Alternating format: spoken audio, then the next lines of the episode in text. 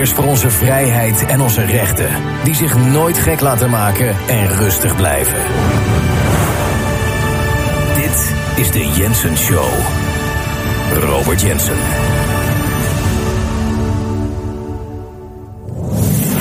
Daar zijn we alweer aan het begin van een nieuwe maand bijna. Als we dit uh, uitzenden op maandag de 31ste. En ik wil jullie weer bedanken voor jullie uh, support deze maand.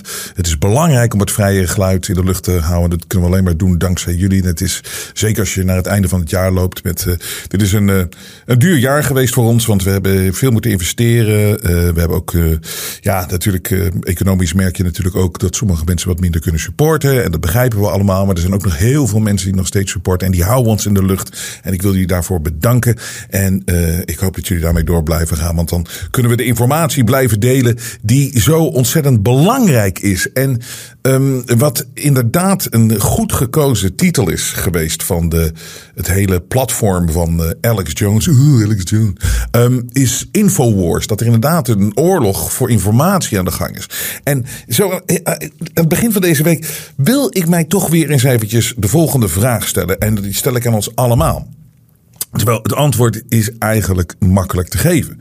Maar de vraag is: waarom mag je geen vragen stellen over dingen die gebeuren? En over dingen die in het verleden gebeurd zijn. Waarom, wat, wat is er toch als je vragen stelt bij iets wat ja, het is niet eens controversieel, want je kan toch gewoon vragen stellen. Waar komt dat, die, die energie en die krachten dan vandaan? En waarom komen ze? Dat je zegt van nee, daar mag je geen vragen over stellen. Je moet accepteren zoals het officiële verhaal is. En als je een vraag stelt, alleen al een vraag stellen, dat is gevaarlijk. Je wordt, er wordt meteen wordt er een schuldgevoel wordt je aangesproken als je een vraag stelt over dingen die plaatsvinden. En sommige vragen zijn gewoon ontzettend goed en zijn heel duidelijk. En die komen voort uit gezond verstand. En dan meteen een, een, een, een, een, kanon, een kanon wordt op je afgevuurd. Van schuldgevoel nogmaals. Van, ja, je mag dit niet vragen. Je mag deze vraag niet stellen. Maar waarom niet? Als er één ding belangrijk is voor een mens. Als er één ding belangrijk is als je vrij wil leven. Is dat je vragen mag stellen. En, kan je mag zoveel mogelijk vragen stellen als je wil. En misschien is het antwoord wat je krijgt. En je denkt van goh wat is inderdaad wel een hele domme vraag geweest. Maar ik kan het toch stellen. En ik kan toch onderzoeken hoe dingen echt zijn. En als ik erachter kom. Ja het klopt inderdaad precies zoals het gezegd wordt. Of mijn informatie is toch wat anders. Want het moment dat, dat je achterkomt van het is toch iets anders dan wat er plaatsgevonden heeft. Dan breekt de paniek alweer uit. En het komt vanuit. De, antwoord natuurlijk van waarom mag je geen vragen stellen is gewoon heel duidelijk. En als je ziet, de, nogmaals, de krachtige energie die op je afkomt, dat is alleen maar omdat mensen wat willen verbergen. Ik bedoel, als iets echt gebeurd is zoals dingen gebeurd zijn. Als het gewoon echt feitelijk klopt, waar ben je dan zo bang voor dat een of andere idioot een domme vraag stelt? Als dingen echt gewoon overduidelijk zo zijn. Waar komt dat vandaan? Dus het is, er is wat te verbergen. Er is een agenda zit erachter. En het is heel belangrijk dat één bepaald narratief gewoon gevolgd wordt. En iedereen die vragen stelt, het grootste gevaar, is dat je dan dicht bij de waarheid komt. Maar het, tweede is dat er zoveel mensen zijn die zo afhankelijk zijn alleen maar van het officiële narratief. Dus die mensen, en dat komt later ook weer terug in het grote probleem wat wij, waar wij mee te maken hebben in de wereld tegenwoordig, is dat mensen worden de politieagent van elkaar. Dus er zijn mensen die kunnen alleen maar, die willen alleen maar bijvoorbeeld het officiële narratief volgen, want dat is hun zekerheid. En ze moeten 100% vertrouwen hebben dat het punt waar dat narratief verspreid wordt, dat dat 100% klopt en betrouwbaar is. En als ze daar twijfels voor zichzelf over hebben, stort een hele wereld in elkaar. En dat kunnen ze niet aan. Maar dus wat gaan ze doen met mensen die wel dat narratief en daar vragen over stellen? Die gaan zij meteen aanvallen. En dat kunnen ze natuurlijk tegenwoordig heel makkelijk doen, deze losers, op social media. Uh, op Twitter, weet ik veel wat allemaal. Voor, voor, voor zover het geen bots allemaal zijn die dat doen. Uh, maar dat maakt niet uit. Er zullen echt heel veel mensen zijn. Die kennen we natuurlijk ook wel om ons heen. Die willen alleen maar. Het zijn de mensen die zeggen van. Ach nee, ik ben helemaal niet een uh, complotdenker. Nee hoor, absoluut niet. Nee. Oh, ik zou niet eens zo willen leven. Weet je, het is zo'n ontzettend. het is zo'n ontzettend makkelijke manier van in het leven staan. als je nooit een vraag hoeft te stellen. Het enige is, je ziet niet hoe klein je leven eigenlijk is. en dat het steeds kleiner wordt. En dat kleine beetje wat je hebt. wordt alleen maar iedere dag van je afgepakt. Meer en meer en meer en meer. En de mensen die zoeken naar vrijheid en die, voor wie vrijheid belangrijk is, zie je dat het eigenlijk, het, wordt steeds groter en meer en meer en meer. Dus het kleine beetje wat die mensen hebben, zullen ze verliezen. En de mensen die veel hebben van vrijheid, die zullen meer krijgen. Gewoon omdat ze niet door de knieën gaan. En het is lastig soms, maar we gaan niet door de knieën. Maar deze mensen worden opgezet tegen mensen die daadwerkelijk voor de waarheid en vragen durven te stellen. En die ook kunnen aantonen op een gegeven moment dat sommige dingen niet kloppen. En sommige heel veel dingen kloppen wel. Maar het feit dat ze vragen stellen. En we hebben dus, er is dus een maatschappij gecreëerd en dat psychologisch zo slim gedaan van de griezels. Dat we eigenlijk elkaars politieagent aan het worden zijn. En zij hoeven niks te doen. Ze kunnen achterover zitten. Ze kunnen achterover zitten heel erg gevaarlijk en heel erg vervelende ontwikkeling. En waar we ons bewust van moeten zijn. Want als je bewust van bent, alleen dan kan het veranderd worden. En alleen dan kunnen de krachtige, de positieve energieën winnen van het donker. Maar ik heb afgelopen vrijdag een uitzending gedaan waar ik ook al wat vragen stelde. En ik, ik kwam met wat een aantal eh, dingen die gewoon gebeurden op dit moment. Op het moment, het moment, het nu moment van afgelopen vrijdag. En ik moet daar nu even op terugkomen, want er zijn weer ontwikkelingen daar. En die zijn op sommige vlakken anders gelopen dan verwacht. Maar in ieder geval, het is wederom een verhaal. Er zijn verhalen aan de gang en die worden bij ons naar binnen gebracht. En daar mag je geen vragen over stellen. Terwijl er zijn heel veel vragen over. Maar ik begin eerst even met de verkiezingen gisteren in Brazilië.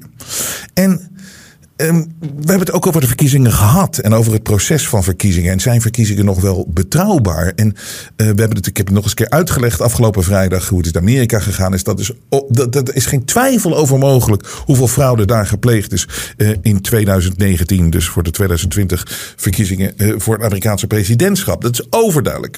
Echt, ik bedoel, ik vind de vragen die je stelt daarover en je zoekt naar de antwoorden, dan vind je antwoorden en dan zie je gewoon dat is grote fraude gepleegd. Nou, nou was er dus gisteren in Brazilië was er een verkiezing tussen Bolsonaro, de uh, president, en die wordt neergezet natuurlijk altijd in de media als eh, extreem rechts, wat hij natuurlijk niet is. Nou, we kennen dat spelletje wel, maar het is iedere keer die psychologische oorlogsvoering dat deze man zo gevaarlijk is. Een nieuwe Hitler, een nieuwe dictator, die zorgt ervoor dat het hele regenwoud weggaat er in Brazilië. Altijd maar dat regenwoud in Brazilië, daar word ik ook zo moe van. Maar goed, in ieder geval. Uh, mensen vinden het belangrijker dat het regenwoud, dat zie je mensen er vandaag de hele dag ook uh, reageren, omdat die, hij nam het op tegen de, de oud-president. dat is een linkse, hij heet linkse lul A, heet die man. Uh, dus je had Bolsonaro tegen linkse lul A.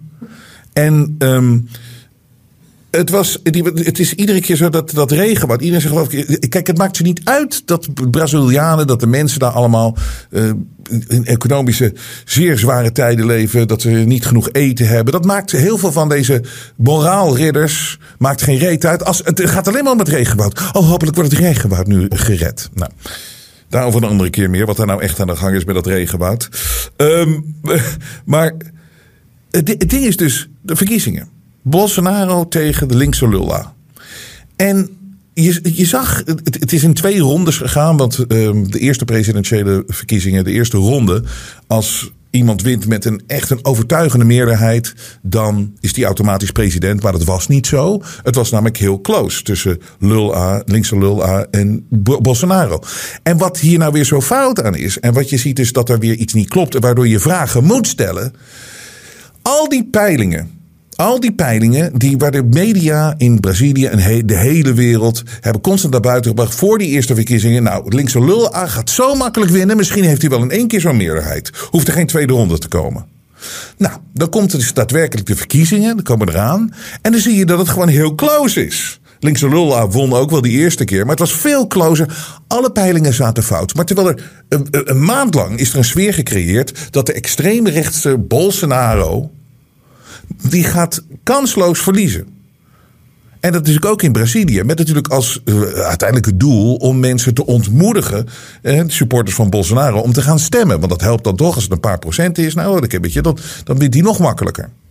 Nou, dus die, die peilingen klopten niet. Nou, zijn ze weer uh, tweede ronde. Nou, de peilingen klopten weer niet. Dus dan was er gisteren was er dus de de verkiezingen.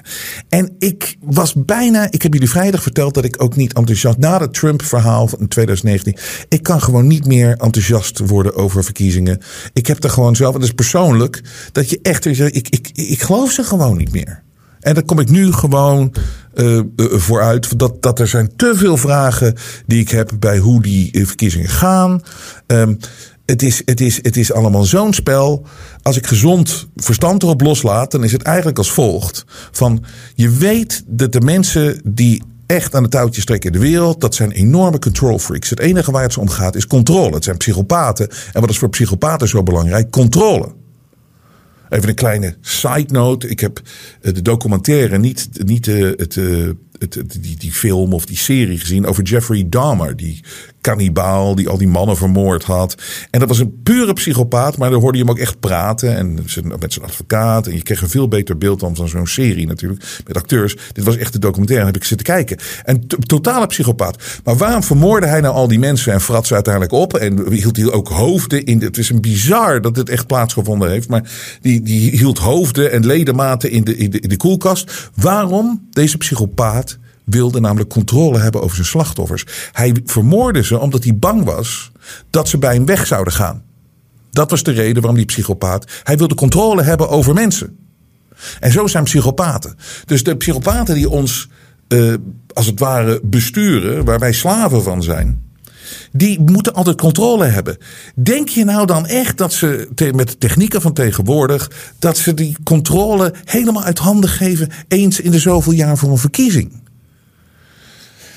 Het, het, gezonde verstand zegt dat ze dat nooit zullen doen. Als verkiezingen echt zin zouden hebben, dan zouden ze ons niet al die macht geven. Want dat is, je krijgt geen controle over een situatie. En het gaat ze alleen maar om controle. Net zoals een controle over het narratief wat uitgezet wordt. Dus nou zat ik gisteravond, ik zei dus al met de midterms, weet je, moet ik daar weer eens een uitzending aan wijden. Maar ja, ik weet niet, ik, ik heb daar gewoon zo'n slecht gevoel over dat het weer fout gaat. Net zoals uh, twee jaar geleden.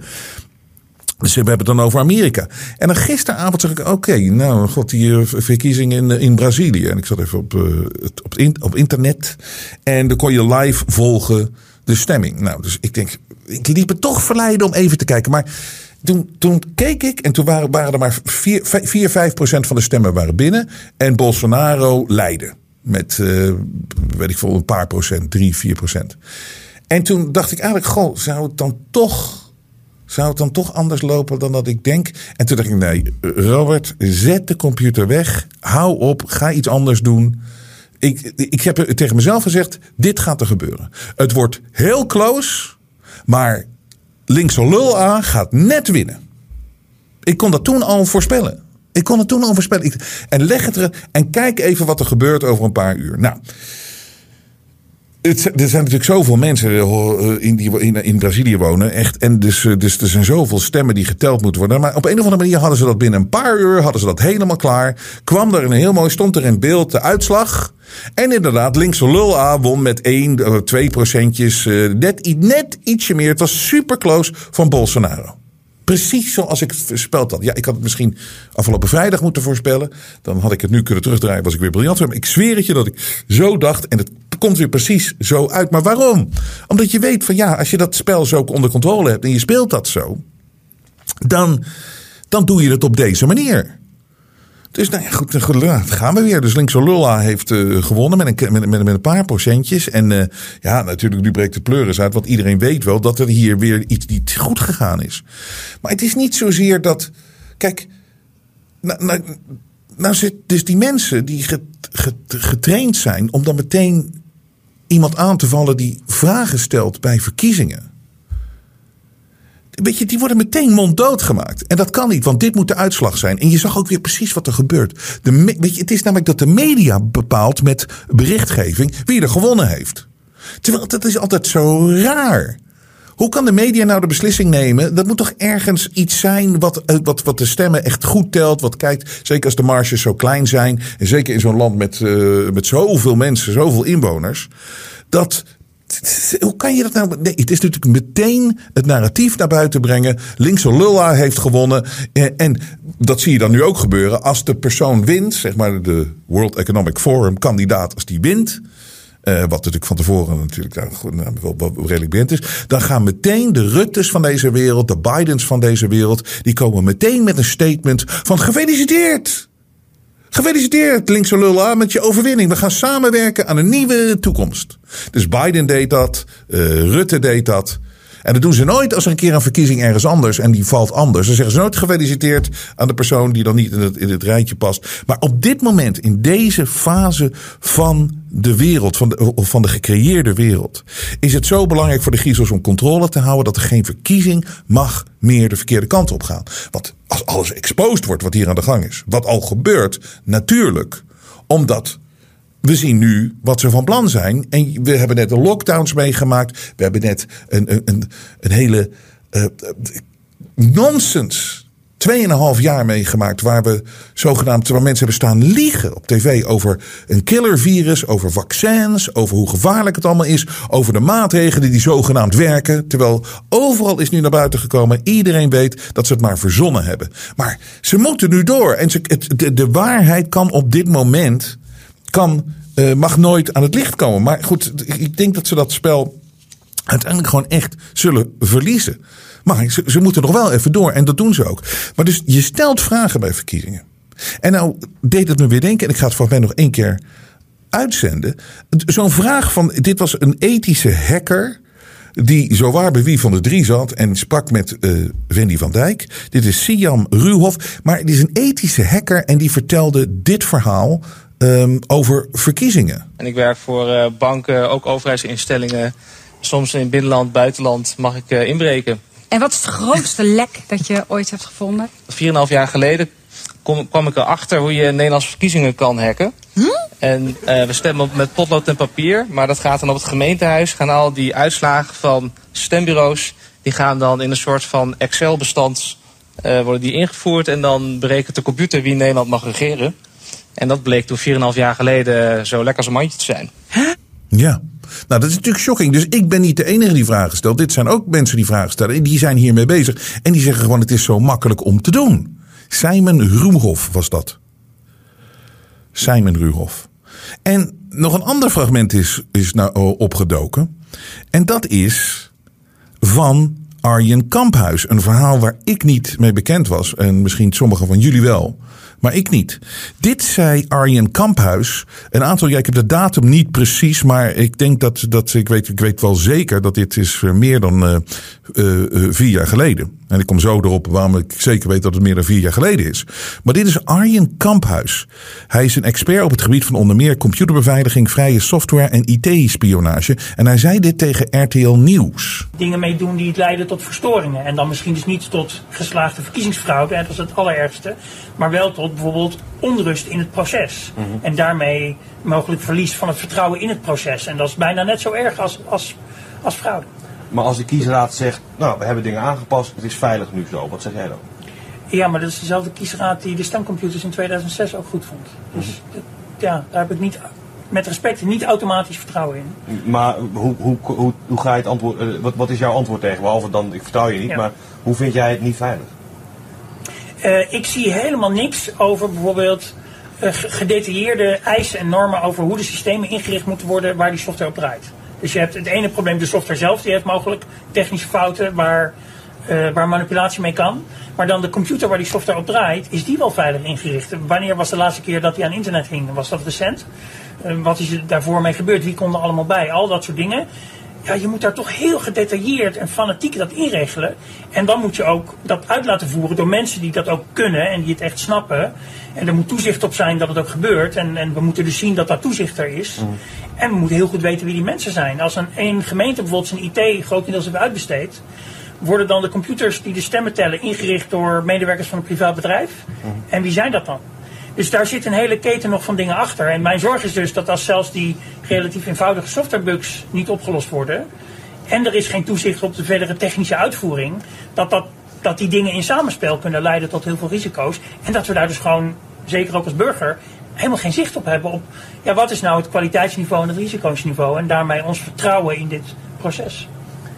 Hij zegt een aantal hele uh, juiste en rake dingen. Kijk, het gaat niet eens naar of er nou fraude gepleegd wordt, ja of nee. Want, maar het is altijd dat je erover twijfelt. En dat je dus weet van, goh, dat is, dat, dat, er kloppen dingen niet. Nou, ik, ik spreek openlijk mijn twijfel uit. Maar ik ben echt niet de enige natuurlijk. Dat zijn natuurlijk uh, overduidelijk heel veel mensen. Die, maar, maar als je nog even een stap verder gaat. Als je echt de vraag stelt van, we moeten echt compleet transparant hebben hoe die machines werken. Want het is techniek tegenwoordig. Het gaat allemaal naar een Excel-bestand. Het, is, het is allemaal zo simpel om te manipuleren. Want cijfertjes zijn maar cijfertjes. We zien een computerscherm, dan zien we allemaal dingen opgeteld worden. Maar hoe, hoe, hoe werkt zo'n computer? Hoe zijn die algoritmes? Hoe, hoe gaat dat allemaal? Met andere woorden, dit zijn natuurlijk echt gewoon de basisvragen.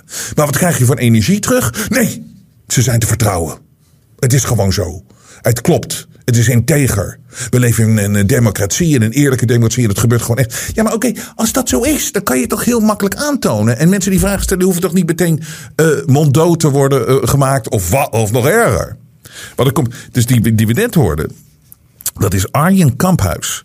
Hij is bekend uh, van expert op gebied van onder meer computerbeveiliging, vrije software en IT-spionage. Ik zal iets over hem vertellen.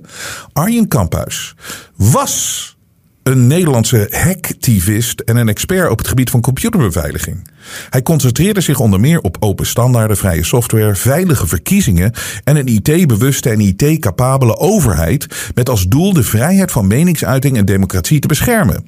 Sinds Edward Snowden in 2013 zeer geheime informatie van de National Security Agency lekte, focuste Kamphuis zich op de sociale, economische en geopolitieke impact van wetenschap en technologie en zette hij zich in het bijzonder in voor de bescherming van onderzoeksjournalisten, advocaten en mensenrechtenactivisten.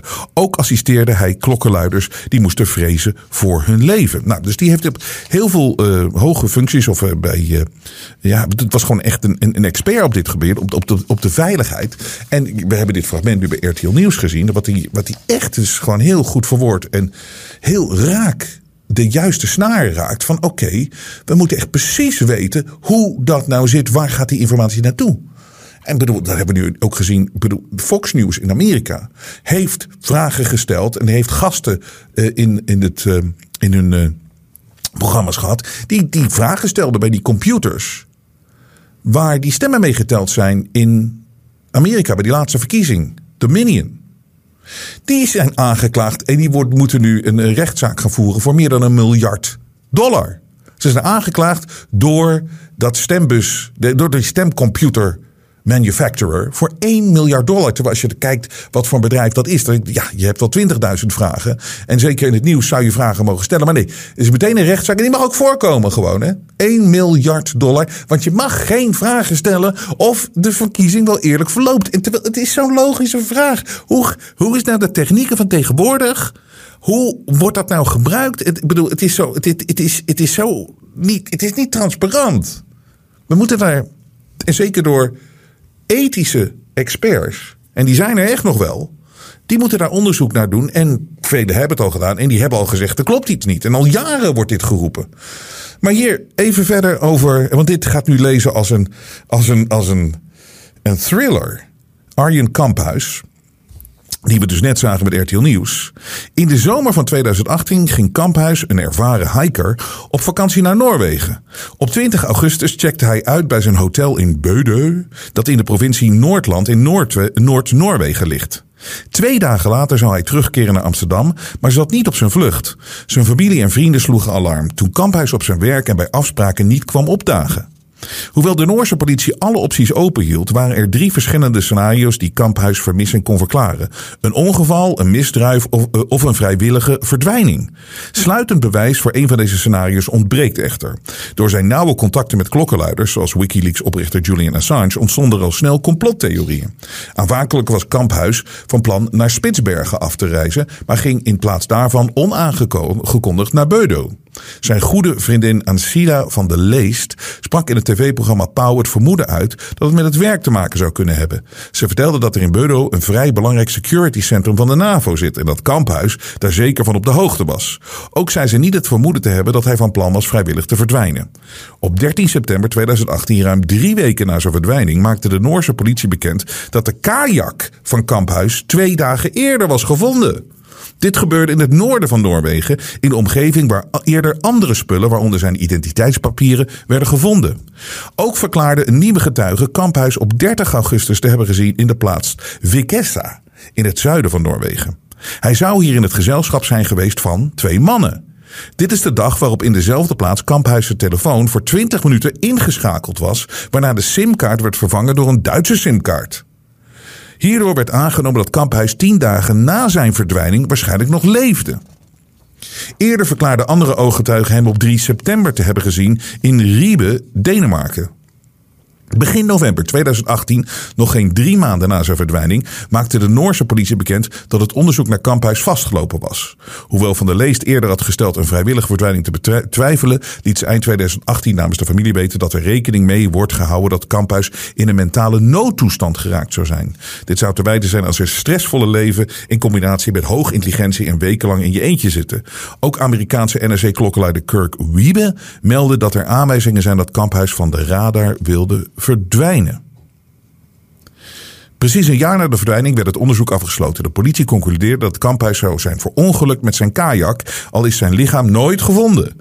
De telefoon en laptop van Kamphuis bleken te zijn meegenomen door twee Oost-Europese vrachtwagenchauffeurs. Hierdoor maakte de telefoon op 30 augustus nog contact met de zendmast. Na verhoor van de chauffeurs had de politie geen enkel vermoeden dat ze iets met de verdwijning te maken hebben. De zaak is volgens nog onopgelost. Nou, wat een verhaal. Ook iemand die vragen stelde.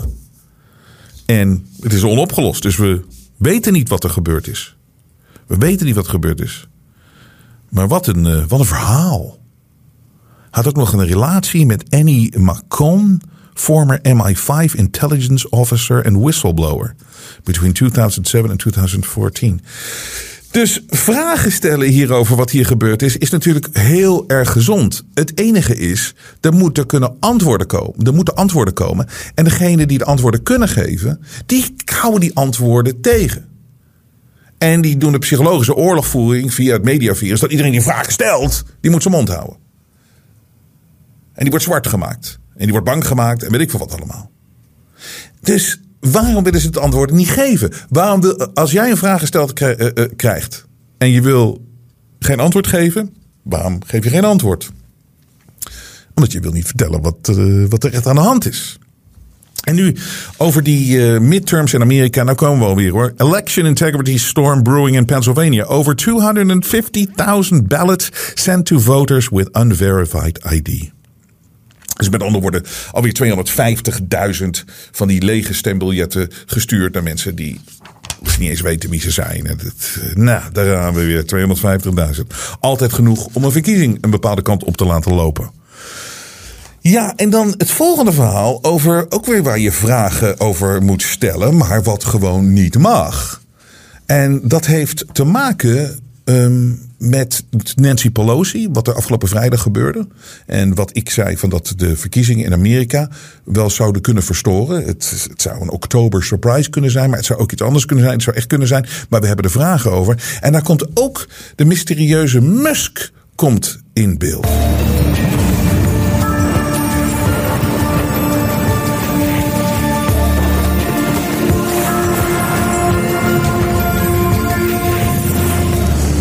Want laten we het eens even over die mysterieuze Musk hebben. Daar hebben we het eens eerder over gehad. Als je het mij vraagt, maar ik uh, bedoel, uh, ik stel vragen en als ik uh, gezond verstand erop loslaat, dan vertrouw ik Musk nog steeds niet. Want ik, ik geloof niet dat Elon Musk is wie je denken dat hij is. En dat, ik ben helemaal niet zo paranoïde in. Maar men, ik, ik, ik, ik, ik kijk het even vanuit het oogpunt van veel mensen die denken dat hij de redder van het vrije woord gaat zijn. En de, de redder van Twitter. En nou, ik, ik bedoel, ik, ik, ik hoor goede dingen uit zijn mond. Maar als ik kijk wat hij doet. En daarom is het zo belangrijk om uh, niet te kijken naar wat mensen zeggen. Maar het is kijken wat mensen doen.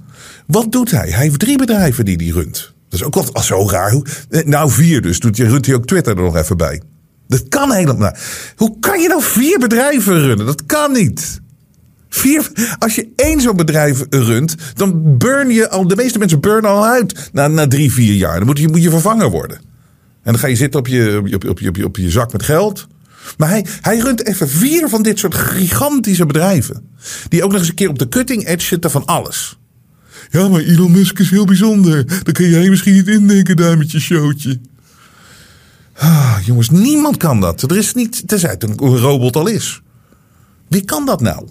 Nou ja. Of iemand anders runt het voor hem. Maar wie, wie is dan zijn tweede man of zo? Wie derde, vierde man? Die zou je dan toch ook moeten zien? Dat zie je nooit. Anyways, dus Elon Musk runt een, een bedrijf. Dat is natuurlijk die Tesla. Die, uh, die, die, die, die auto's. Die auto's. En uh, dat is natuurlijk alleen maar gebaseerd. Dat roept hij ook allemaal op climate change. En voor het klimaat. Bla bla bla. Die leugen. Dan, dan is die, schiet hij die satellieten in de lucht. Met Starlink dat hij ons allemaal kan bekijken. Of in ieder geval dat internet over de hele wereld is. En hij schiet maar satelliet, satelliet, satelliet. Met raketten en SpaceX schiet hij ze gewoon in de lucht allemaal. Nou, ik, ik, geef mij een antwoord alsjeblieft als ik fout zit. Maar volgens mij kan alleen de overheid dit soort dingen doen. Wie, kan nou alleen maar die, wie krijgt nou toestemming om zo'n satelliet in de lucht te schieten? Zou, zouden jij en ik dat kunnen doen? Zouden wij gewoon een bedrijf kunnen beginnen en we schieten de hele dag schieten we die satellieten in de lucht? Denk je dat we daar toestemming voor krijgen? Nee, dus hij zit ergens daarin. Nou, hetzelfde natuurlijk met Tesla, want het, het, het hangt van subsidies aan elkaar. Van waar komt dat vandaan? Vanuit de overheid. Dan heb, je, dan heb je derde ding wat hij doet. Hij zit in dat neuroscience. Daar is hij heel groot met het implementeren van die chips in je hersenen. Waar die heel erg in gelooft. En waar die in, in artificial intelligence. En dat, hè, dat, dat je zo'n chip hebt. En weet ik veel, je, bent, staat, dan, staat dan aangesloten op artificial intelligence. En ook weer via SpaceLink en via die driverless cars waar die mee bezig. Dus dat is alles waar ik op kots en wat ik een onmenselijke uh, ontwikkeling vind. En wat zit helemaal in de lijn van dat wij een soort van robot en gecontroleerde uh, maatschappij moeten zijn. Dus dat is waar hij de hele dag mee bezig is. Maar daar heeft dus Twitter, omdat hij vrijheid van meningsuiting uh, dan wil beschermen. Ja, voor iemand die dat soort businesses runt. Ja, ik, uh, ik, ik, ik geloof het gewoon niet. Uh, maar er gebeuren wel grappige dingen. Uh, dat is natuurlijk dat die Twitter, Twitter employees brace for massive layoffs as Elon completes his acquisition. Advertisers plan to boycott Twitter if Elon Musk lets Donald Trump start tweeting again. Ach, zijn ze weer zo bang dat Donald Trump weer terugkomt. Elon Musk to welcome back Trump onto Twitter as he reverses lifetime bans. Nou, Brussel waarschuwt Musk. In Europa zou vogel, vogel volgens onze regels vliegen. En die vogel is dan zeg maar die, die, die van die Twitter-ding. Uh, nou, en. Maar nu is er iets gebeurd. Kijk, dus afgelopen vrijdag wordt de man van Nancy Pelosi. Nancy Pelosi is de op twee na belangrijkste persoon in de Amerikaanse politiek. Je hebt de president, vicepresident en zij Speaker of the House. Dus zij is de derde. Nou, zij woont in. Uh, ze heeft dan heel veel huizen, want ze heeft honderden miljoenen verdiend. Hoe ze dat gedaan heeft, zei ik vrijdag ook al. Is ongelooflijk op zo'n overheidssalaris. Maar goed, ze heeft genoeg geld. En ze hebben ook een gigantisch huis in de duurste wijk van San Francisco. Met haar man. Uh, woont ze daar, Paul Pelosi. Hey, dus thuis. Dus wat is daar gebeurd? De, de, de op twee na belangrijkste man of vrouw van Amerika. Die woont daar. En er is ingebroken via een keukenraam door een man. En die heeft uh, die Paul Pelosi, die man van Pelosi, dus we hadden er buiten werd gebracht in eerste instantie, gegijzeld als het ware, met een hamer en gevraagd constant: Where is Nancy? Where is Nancy? Where is Nancy? Heel eng natuurlijk. En uh, uh, toen is die man met die hamer heeft gezegd: Ik ga heel even naar het toilet. En die is weggelopen. En toen heeft Paul of iemand anders heeft heel snel 911 kunnen bellen. Toen is de politie gekomen. En toen is die man overmeesterd met die hamer. Die stond te pissen, weet je wel. Die was even vergeten dat als je iemand gegijzeld houdt... moet je hem niet even alleen laten in een ruimte met een telefoon. dus hij... Um, hij, loopt zo, uh, hij loopt zo weg. En dan, nou oké... Kijk, dus de eerste vraag, de allerbelangrijkste vraag die je stelt. Als je dit zo even zo leest. Dit is de op twee na belangrijkste persoon in Amerika, de Amerikaanse politiek. Je weet gewoon dat die worden beschermd en het huis wordt constant beschermd. Ik bedoel, uh, hoeveel mensen worden niet beschermd? En heftig ook. Je kan niet zomaar via een keukenraampje binnenkomen. Wat is hier aan de hand? Nou, dat is dus de eerste vraag die je moet stellen. Maar dan is het dan meteen van. Nee, maar dat kan. Wat is dit weer van vraag stellen? En waar natuurlijk een, een, link meteen gelegd wordt, naar die, gelegd wordt naar die midterms, is dat er gebeurt altijd iets vlak voor zo'n verkiezing in Amerika. En je zag het al meteen. Joe Biden, die reageerde meteen dat het zo erg allemaal was. En dat het komt door de Republikeinen, die zulke verschrikkelijke dingen allemaal zeggen over Um, uh, over, democraten en over Nancy Pelosi. Het is allemaal de schuld van de republikeinen. En die hebben, leggen een agressief sfeertje neer. En die zijn zo gevaarlijk. Hillary Clinton komt daar overheen met een tweet. Die wordt natuurlijk dan weer ingezet. Die, uh, die dronken seniele um, heks. Dus die komt met een tweet. Ach, ook weer de, de, de, fout van de republikeinen. Dit moet veranderen. Ze hebben bloed op hun handen. Arme Paul Pelosi. Wat Elon Musk, de nieuwe baas van Twitter, deed. Is dat Elon die reageert op Hillary Clinton en die linkt een, een, een, een bericht op een website. Van die dus ook vragen stelt van wat hier aan de hand is. Die het politierapport gelezen heeft of die meer informatie hebben. En dus Elon zegt tegen Hillary Clinton. Um, nou, er zit waarschijnlijk toch een andere kant aan dit verhaal dan hoe jij het nu uh, politiek gebruikt.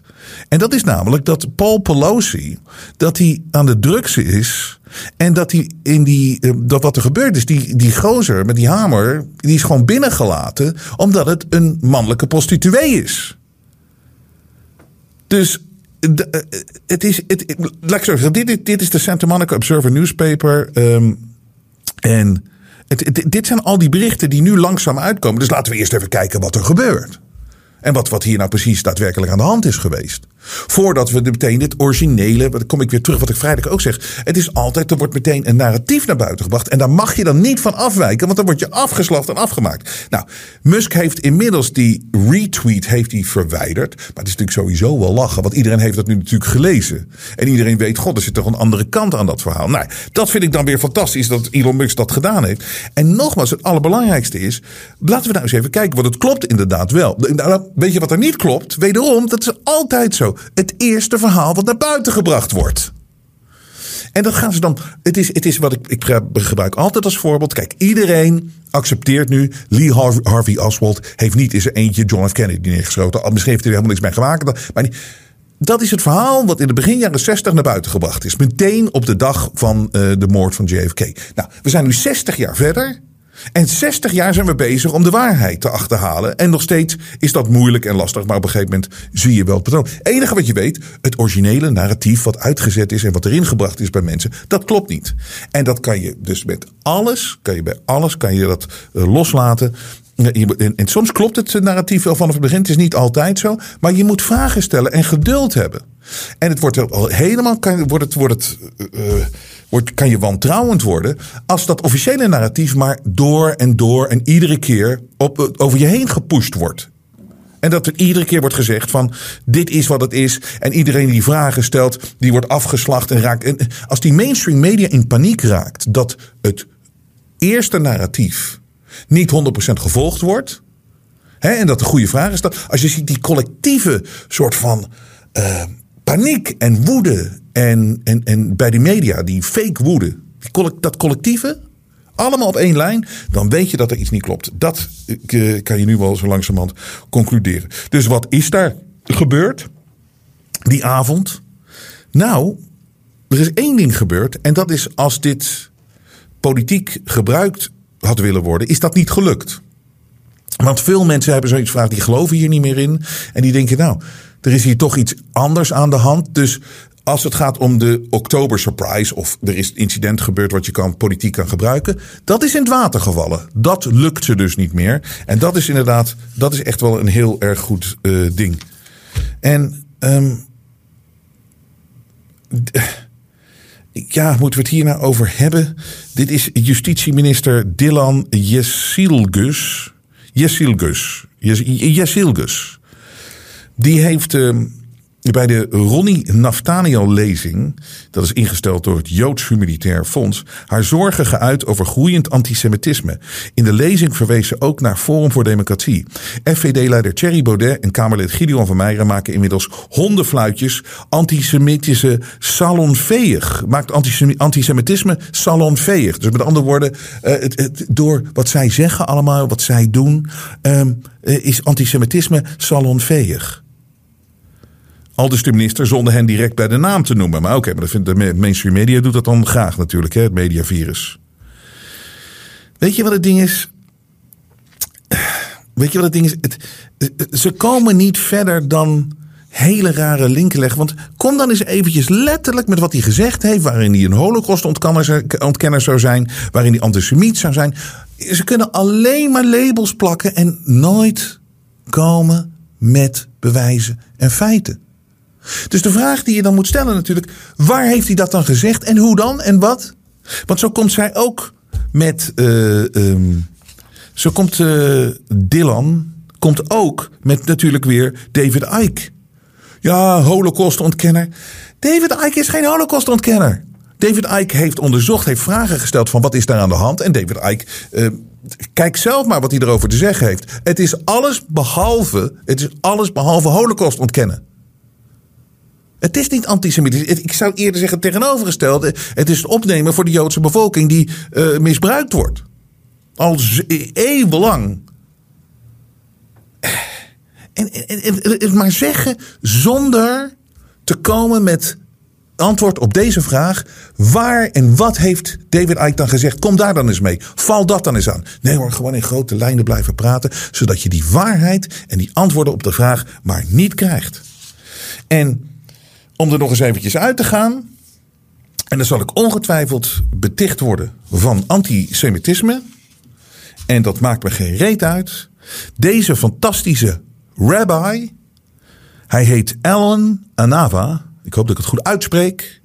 Deze rabbi legt precies uit. En dat geeft ook weer aan, want dit vind ik altijd het meest afgrijzelijke wat de mainstream media en hoe het gebruikt wordt altijd, is het wordt net gedaan alsof alle Joden hetzelfde zijn. En dat alle Joden uh, uh, in één ding geloven. En dat iedereen hetzelfde is. En Joden worden wat dat betreft collectief altijd ingezet voor uh, ook politiek. Weet je, het hele idee dat iedereen hetzelfde is. En dat is zo'n belediging. Want bedoel, ik heb ook veel Joodse vrienden. En, oh, veel Joodse vrienden, maar ik ken heel veel Joodse vrienden. Ik, ik heb er één. Ik heb er geen. Nee, dat je steeds naar beneden gaat. Ik ken heel veel Joodse. Ik heb nog nooit twee Joden meegemaakt die hetzelfde dachten over iets. In, voornamelijk in Amerika. Sommigen zijn pro-Israël en sommigen zijn tegen Israël. Ik bedoel, het, is net zoals met mannen en vrouwen. Alsof je mannen op één kamp kan, over één kamp kan scheren. Als je vrouwen, of je christenen, of welke groep dan ook. Het is zo homo's, hetero's, lesbiennes. Het is zo beledigend altijd omdat als het ware, als het een wapen te gebruiken. Ze staan allemaal op één lijn. Ze zien er allemaal hetzelfde. Ze zitten er allemaal hetzelfde in. Nou, luister even naar deze. Dat, dat is, dit bewijst dat weer. Luister even naar deze geweldige rabbi. Allen. En hij legt precies uit hoe de wereld in elkaar steekt. En zegt hetzelfde wat ik aan het begin van de uitzending ook zei. Mensen worden tegen elkaar opgezet. En mensen gaan uh, zich gedragen als politieagent. En waarom doen ze dat? Waarom doen ze dat? Not the, the evil government. That's not concerning me. It's the stupidity of people is what's concerning me. The fact that the government is evil, I know that. The fact that we are controlled by evil psychopaths, we know that. What has changed? Nothing changed. The fact that people comply, that's a cause for concern. And you know why? Because these are the people who are going to go after you at some point, not the government. The Nazis said we're not going to do another Holocaust the same way. We're going to do another Holocaust. We are in a Holocaust. But not the same way that it was brutal and forced. You're going to voluntarily go into the gas chamber. Like you see these long lines in Tel Aviv, people are just waiting in line. 5,000 people are waiting in line to get vaccinated. They're not even forced. There's no dogs. There's no, no SS officers. Dit is 100% de waarheid. Daar hoef ik niks aan toe te voegen. Niks aan toe te voegen. En wat is dit nou ook een antisemiet omdat hij het heeft over Tel Aviv, waar 5000 mensen gewoon zich laten injecteren voor het killervirus? Wat nooit een gevaar voor de volksgezondheid geweest is. Iedereen geeft het toe nu. Bill Gates. Het zit op hetzelfde niveau als de griep. Dit is wat de waarheid is. en nog even tot slot dat ze ons uitlachen. Onze goede vriendin Maggie de Blok. De oud-minister van Volksgezondheid van um, uh, België. Die wordt nu voorzitter. Zij weet zoveel van gezondheid, deze vrouw. Dat is echt, uh, echt, echt niet te geloven. Zij wordt voorzitter van een adviesorgaan van de World Health Organization. Magie de Blok. Luister, ze lachen ons gewoon uit. Ze lachen ons gewoon uit. En daarom is het zo erg, inderdaad, wat, uh, wat de rabbi ook zegt. Van dat mensen zich ervoor vallen. En die gaan dan tegen andere mensen verzetten. Die worden eigenlijk politieagent van mensen die ons uitlachen. Ze hoeven niks te doen. Die gasten lachen ons uit.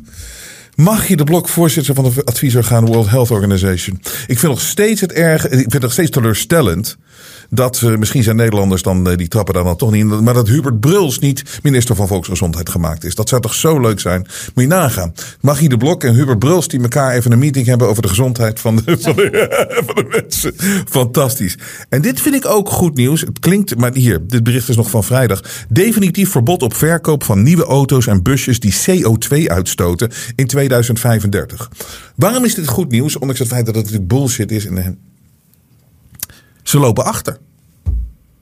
Agenda 2030, Gates heeft het ook al gezegd. We lopen achter. Ja, het wordt nu toch later. Waarom lopen ze op 2030? Dit was 2030. Definitief verbod op verkoopauto's, nieuwe busjes en CO2-uitstoot in, in 2030. Ze wilden het allemaal in 2030 doen. Daarom hebben ze dat, die paniekactie met dat Kiona gedaan. Om het zo snel mogelijk allemaal neer te zetten. En ze lopen achter. En waarom? Omdat we wakker worden. We accepteren het niet meer. En het is uh, nog een heel gevecht, gevecht van ons leven. Voor onze vrijheid, voor onze vrijheid van meningsuiting. Voor, uh, het is een gevecht om de juiste vragen te stellen en de antwoorden te krijgen. De media toont zijn ware gezicht. Maar Robert Jensen buigt voor niemand. Steun het echte geluid via jensen.nl en wees onderdeel van de vooruitgang. Dit is onvergeeflijk en ik zal het nooit, nooit, nooit vergeten wat hier gebeurt. Machtshebbers die liegen zijn maar bang voor één ding: de waarheid. Onze leiders hebben ons expres bang gemaakt. Ze hebben ons misleid. En de waarheid onderzoeken we hier bij de Jensen Show en dragen wij uit. Iedereen die denkt dat ik overdrijf, wordt wakker! En dit kunnen we alleen doen door onafhankelijk te zijn. We hebben geen adverteerder. Wij hebben geen subsidie van de overheid. Zegt één politicus geeft enige indicatie wanneer dit voorbij kan zijn. We hebben geen bemoeizuchtige zenderbazen boven ons met politieke agenda. De media heeft zijn ware gezicht laten zien. Wij zijn echte onafhankelijke media. En dat kunnen we alleen blijven doen door steun van jullie. De waardering voor wat wij hier doen laat ik bij jullie. Als je klein wil steunen, is dat perfect. Als je niet wil steunen, is het ook goed. Als je groot kan steunen, is het helemaal fantastisch. Maar het is wel de manier om ons in de lucht te houden. Zolang jullie waarderen wat ik hier aan het doen ben, blijf ik doorgaan. Ik geef nooit op.